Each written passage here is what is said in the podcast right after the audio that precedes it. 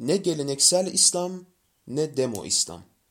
Nurettin Özcan Yüce Allah'ın nimetinin kadrini bilmek, padişahın onun rızasını gözetmesidir. Yüce Allah'ın rızası ise halka yapılan ihsan, onlar arasında yayılan adalet ile elde edilir. Zira mülk küfürle devam eder, zulümle devam etmez.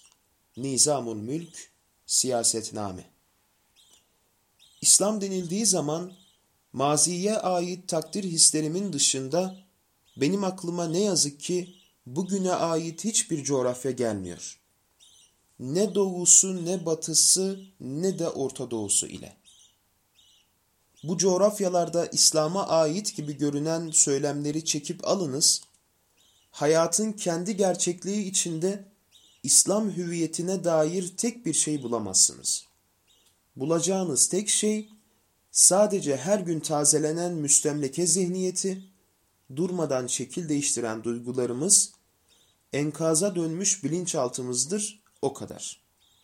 Oysa İslam'ın kendi gerçekliği içindeki o muazzam armonisini, en üstün manasını, ihtişamını ve saf renklerini gösterebilmesi, hissi intibalardan sıyrılmış, büyük emelleri olan yüksek şahsiyetlerin varlığına bağlıdır.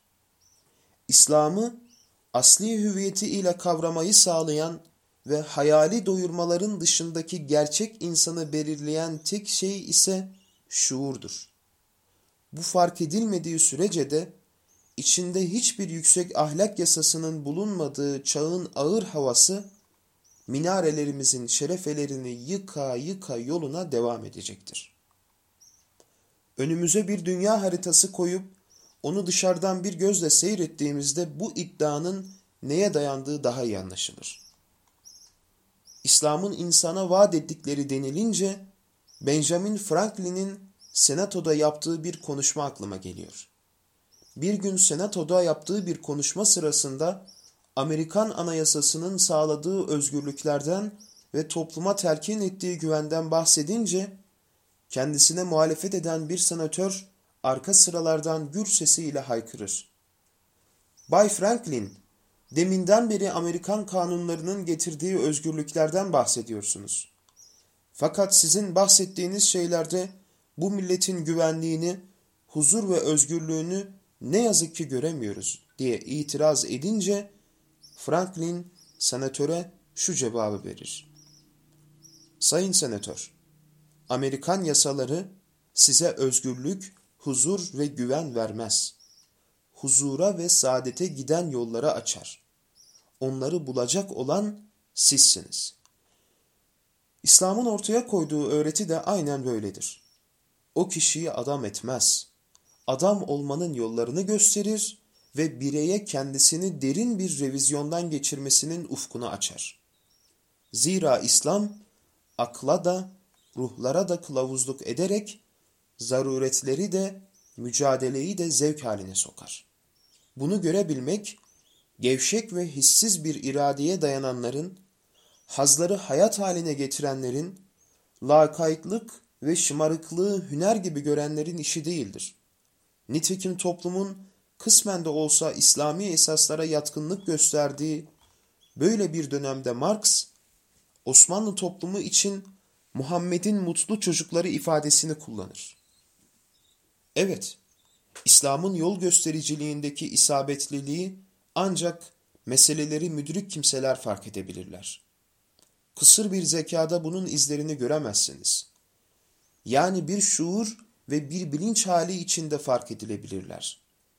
Peki bunun dışında onca kalabalık, onlar gündelik hayatın duygulara, tamahlara ve benliğe tesir eden siyasi ve yozlaşmış kültürel alanın oynaşmaları içinde kalanlardır. Peki o zaman alışılageldik şekilde ilahi ve beşeri ayrımına girmeden liberal, kapitalist, sosyalist, hasılı her türlü seküler yapı ile İslam'ın ayırt edici farkı nedir? Nedir bunları farklı kılan? Bu fark en kısa ama en net biçimde şudur. İslam'ın dışında kalan sistemlerin tamamı kesintisiz bir şekilde refahın peşindedirler. Ve bu yüzden de mücadeleleri tabiat iledir ve daima her şey ile savaş halindedirler. İslam ise refahı konu edinmez. Onun hedefi galeyanlı ruhları yatıştırarak sadece huzuru bulmaktır. Yani İslam hayali eşitlikler ya da hayali dengeleri gözetmez. Bizzat realitenin pratiklerini ortaya koyar. Bugün bizim trajik bir anlam kazanmış olan dünyamızda bizi büyüleyen moderniteye yenik düşmüş olmamız sebebiyle kimliklerimiz İslam'ın çok dışında bir yerlerde düğümlenmiştir. İslam'ın insanların dünyasında kimliğini hissettirebilmesi, bugün olduğu gibi siyasal düşlerin hakim olduğu, yine siyasal repliklerin genel söylemler haline gelerek inancın temelini yozlaştırdığı ve bireylerin yıkıcı hissi duruşlarla birbirlerini dışlamayı ilke haline getirdikleri bir dünyada mümkün değildir. İslam'ın kendi ilkelerini canlı tutabilmesi ancak yüksek bir şahsiyet bütünlüğünün ve çok sağlam karakter yapısının hakim olduğu toplumsal zeminlerde mümkündür. Bu sebepledir ki İslami iklime yaklaşmak, onunla kaynaşmak, onun sunduğu ve hiçbir asırda tükenmeyecek olan toplumsal nimetlerden faydalanmak, ilk olarak sorunsuz bir bakış açısını gerektirir. Çünkü ancak sorunlarını halletmiş, kirlerinden arınmış, bilinçaltı bağlarından kurtulmuş, hür bir zihin onu anlamaya ve hayat haline getirmeye başlayabilir. Böylece ölçüsüz ve düzen tanımaz bir hayattan ölçülü ve ahenkli bir hayata yaklaşabileceğiz demektir. Eğitim, terbiye, irfandan ekonomiye, sanattan bireysel hürriyete ve toplumsal güven duygusuna kadar her şey sadece iki güçlü temel üzerine inşa edilir. Ahlak ve adalet. İşte İslam'ın en temel bu iki ayağının üzerine koskoca bir medeniyet bina edilmiştir. Bugün söz konusu iki temel unsurdan hiçbirisi canlılığını koruyamadığı, örselendiği, yıpratıldığı içindir ki türlü sıkıntılar içinde her bir yana savrulan insanlar kendi haklarını da hürriyetlerinin sınırlarını da bilemez haldedirler.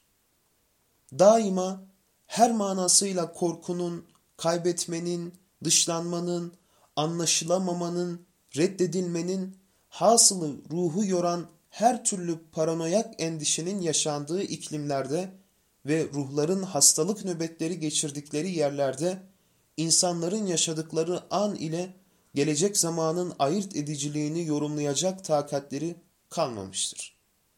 Toplumumuzu bugünkü haliyle meydana getiren kalabalıklar, tortulu tabakalar, İslam'ın ortaya bir fiil olarak koyduğu sadece adalet olgusunu bile anlamakta zorlanacaklardır.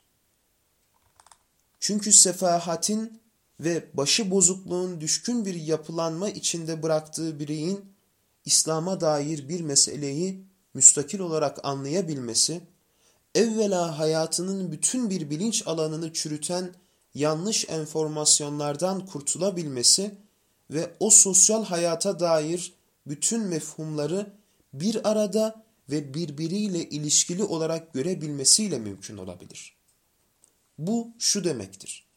İnsanoğlu tabiatı icabı kesin bir inançla kabulleneceği her şeyi somut olarak görmek ihtiyacındadır. Başka türlü tatmin bulamazsınız. İnanmak ve mutmain olmak çok farklı şeylerdir. Bu sebeple sosyolojik anlatımların ya da psikolojik imaların toplum üzerindeki etkisi asla devamlılık sağlayacak bir yapıda olamazlar. İslam'ın gerek adalet, toplumsal güven, mülkten ve candan emin olma, her türlü tecavüzden salim olmak ve hatta komşuluk hakları gibi son derece insani konulardaki güven veren üstünlüğü hep net olarak ortaya koyduğu kesin pratikleri sebebiyledir. gündelik hayatın gerginlikleri içinde bunalan insanları vaatler, fani düzenbazlıklar ya da felsefi nutuklarla değil, ancak hayatın elzem olan pratikleri ile rahatlatabilirsiniz. Her fırsatta öfkeli dillerle İslam aleyhtarlığı yaparak daima kendi karanlık muhayyilelerindeki modern hukuk ve hakkaniyet metiyelerini sıralayan fakat bu soğuk gayretlerinden olumlu hiçbir netice alamayan ekran madrabazlarının İslam önündeki sünepe hallerini görebilmeliyiz. Onlar İslam'ın pratikleriyle ortaya koyduğu asil ve mertçe yükselme havasının içinde daima eksiklik kaldılar. Tek avantajları cahil kalabalıklar karşısında ustaca ortaya koydukları tesir edebilme hünerleriydi. Bütün iddialarına rağmen ortaya sadece alev alev yanan bir dünya bıraktılar. Teferruatına girmeyeceğim bu durum.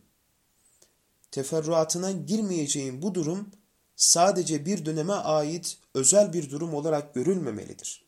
Farklı açılımları ile her dönemdeki hukuk, adalet, eğitim, üretim, sendikalar vesaire içindeki yapısı budur ve adaletin insan ruhuna sürur veren yankısını, nazariyelerini de kendilerine kadar, kendileri kadar gülünç olan bu yapı içinde bulamazsınız.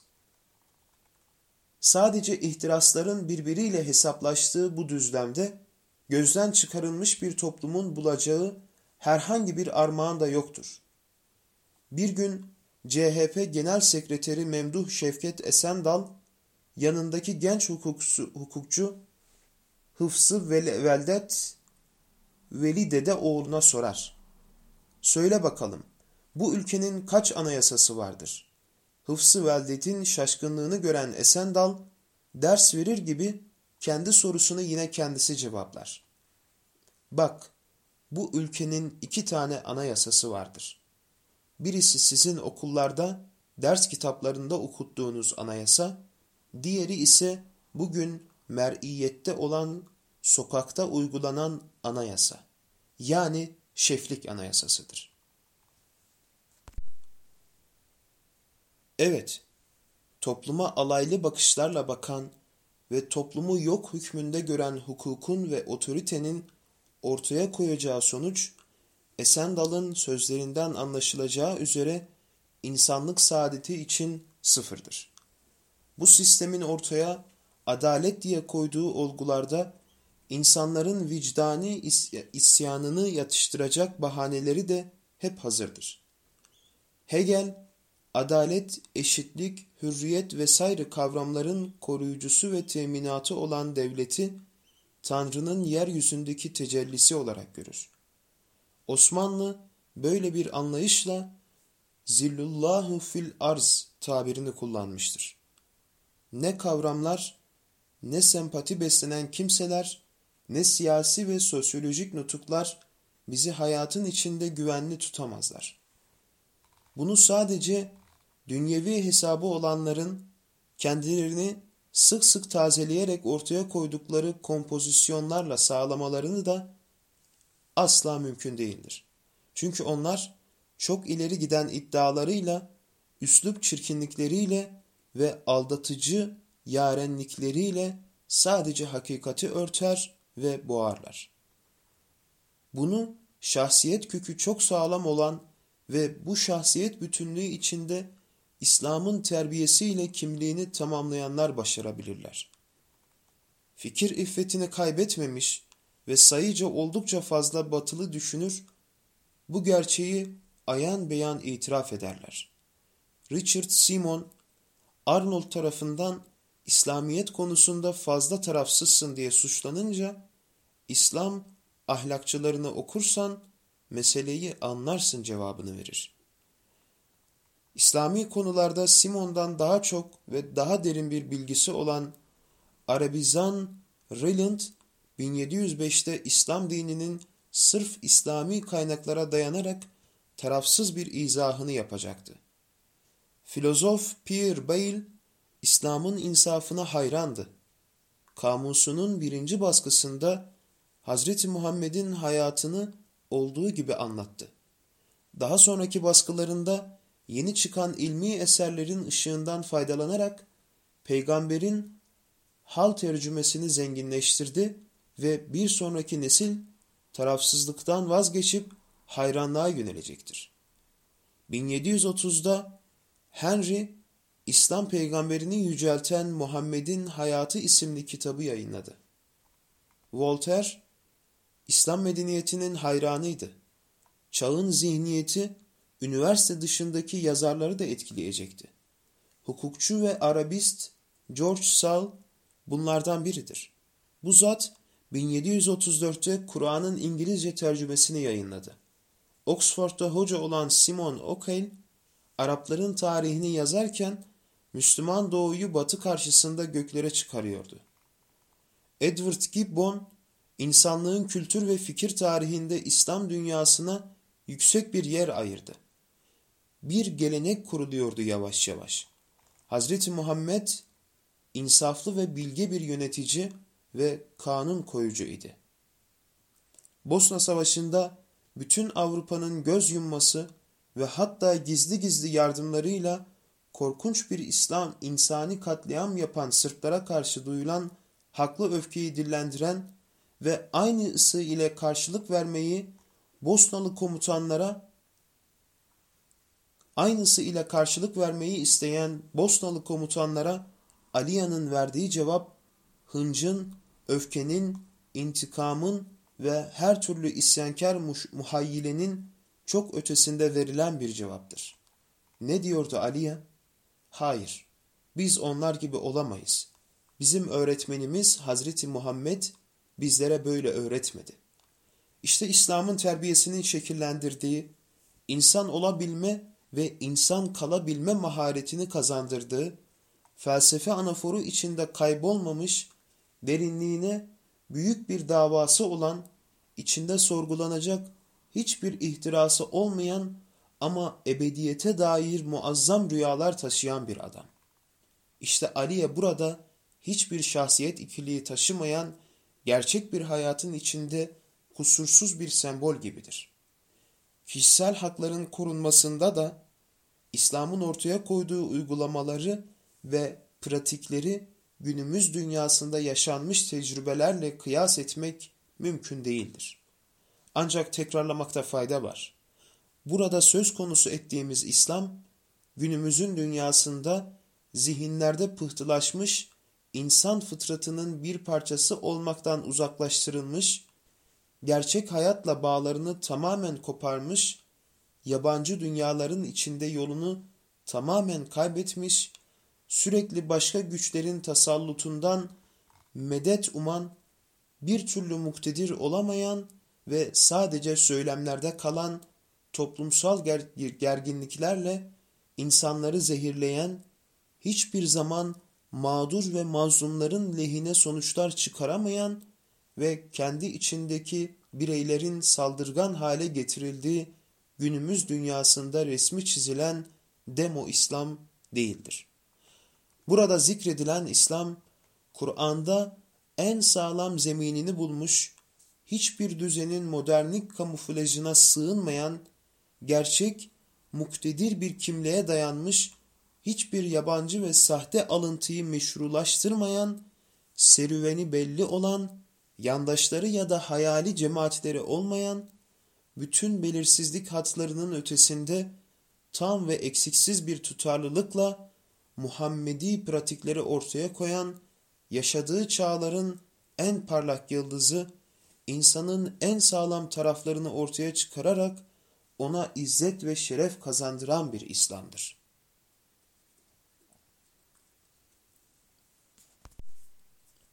Yazının tümüne Nida dergisi 205. sayıdan ulaşabilirsiniz.